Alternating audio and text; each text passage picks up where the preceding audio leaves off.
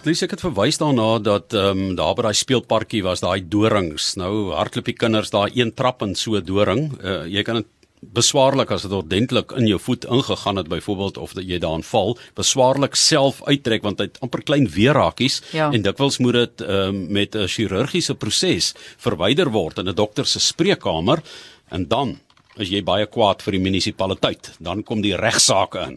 Nou gaan jy vir hulle vat. Eina, nee, dit is 'n groot storie eintlik want ons het nog gepraat oor hierdie heining sê, goed, fantasties sit een of ander bos daar in soos 'n doringbos. Nou kom 'n persoon met hulle klein kindjie verbygestap op die sypaadjie, die kind val in die bos, wat is jou verantwoordelikheid?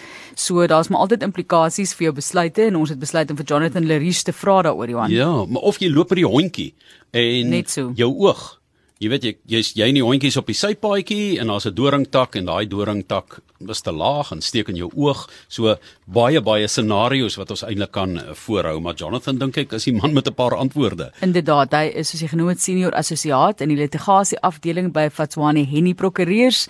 Jonathan, het jy al sulke sake teëgekom waar iemand beseer word weens 'n heining en dat dit op die ou end die eienaar se skuld is of iemand verantwoordelikheid neem? Middag, uh, Martlies, middag uh, Johan. Ehm um, daar is nou en dan is daar sulke sake, dit is 'n ding wat ek dink meer algemeen gebeur is as wat mens ehm um, dit sou sou dink, maar maar meeste van die mense of meeste van ons sou sou al in so 'n situasie gewees het waar ons ten minste 'n doringtrap of 'n ding en dan dan wil jy nou kyk na wie of vir wie jy by die aanspreker kan hou. Goed, so kom ons kyk gou net na die situasie. Ons het nou vir jou daai voorbeeld genoem. Jy weet, 'n kind val in 'n bos. Jy besluit jy wil nou jou area veilig maak met die bos is nou natuurlik ook op 'n sypaadjie, né? En 'n mens kyk na sypaadjie is tog sekerlik openbare spasie. As jy vir ons daai konteks net kan gee um, en die kind loop daar verby en word deur 'n doring gesteek of val in die bos of hoe dit ook al sê die verskillende voorbeelde wat ons nog gekry het op die SMS lyn klink asof dit kan seermaak soos byvoorbeeld die firethorn heining wat iemand voorgestel het die boesman laning wat baie effektief is soos iemand genoem het selfs rose wat hulle genoem het. So hoe hoe verantwoordelik is jy vir daardie bos wat dan nog grens of selfs oorhang op die sypaadjie Daai woord oorhang is die kernwoord, is die kruks. Ehm um, kyk die die uh, ek dink Johan het nou gesê ek het geluister na wat Marina gesê gehad het hy het so gepraat van die die verstand van die persoon om om ehm um, dorings te plant naby 'n skool of so tipe ding en en die kernwoord is eintlik maar die die uh, in Engels die reasonable person toets. En en dan nou dit wat oorhang soos wat jy gesê het in in terme van ons wetgewing is is jy verantwoordelik vir enigiets wat op jou eiendom is en en al as dit grens aan 'n sypaadjie en dit hang oor dan is dit nog steeds jou verantwoordelikheid. Met ander woorde 'n tak wat selfs op 'n voertuig val of iemand wat wat sy kop daar kan stamp daar kan jy dalk ehm um, aanspreeklik wees maar hulle gaan jou nalatigheid moet moet kan bewys. So as as jy weet dit gebeur daagliks of gereeld en en jy doen niks daaraan nie, dan dan kan jy dalk ontwikkel word, maar dit is maar 'n moeilike konsep met plante spesifiek want daar is nie regtig regulasies rondom die soort plante wat jy mag plant nie en waar jy dit dit mag plant nie. Die die die beginpunt is dat dit net op jou eiendom moet wees en binne jou eiendom beperk. Kom ons gesels dan, ons het nou gepraat oor plante. Jy sê dis nie gereguleer nie, maar kom ons kyk na gewone heininge wat jy sien oral oor, staalheininge, houtheininge, daai tipe van ding. Is dit gereguleer?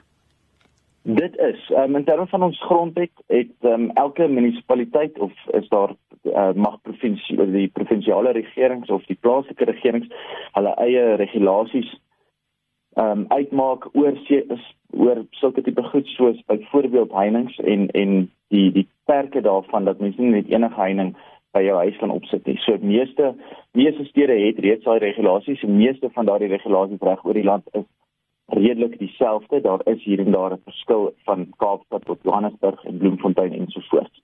Maar daar is verseker ehm um, regulasies.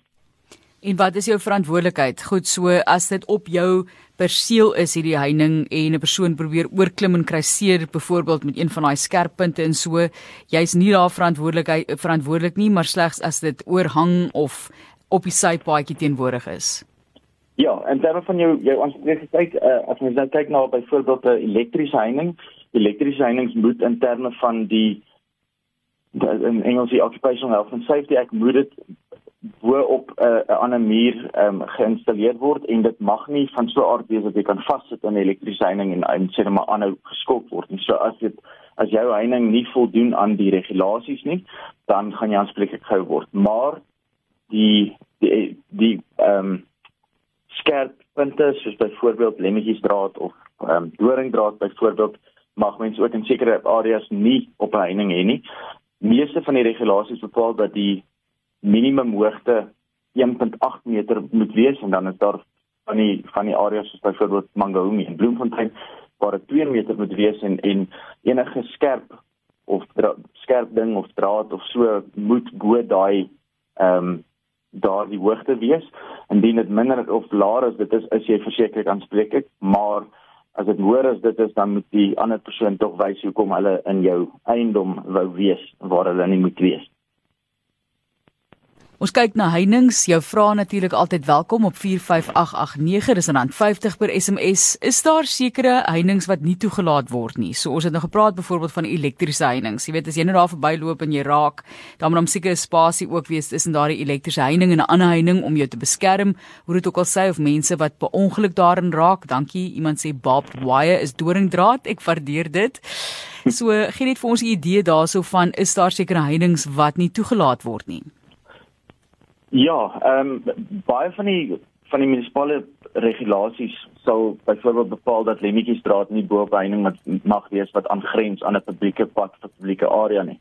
Weens die feit dat daar ehm um, mense daar kan verbystap en dit dit is baie gevaarlik, maar die ander een is dat byvoorbeeld 'n uh, Lemmetjiestraat ook nie geelektrifiseer mag word nie en ek, ons kan nou dink dit sal seker 'n baie goeie manier wees om iemand uit jou uit, plek uit te hou om nie net hulle te sny nie maar ook om hulle so 'n bietjie uh eh, uh elektriese skok te gee maar dit is ongelukkig mag nie te doen nie dit is teen teen enige regulasie wat ons in ons land het op die oomblik.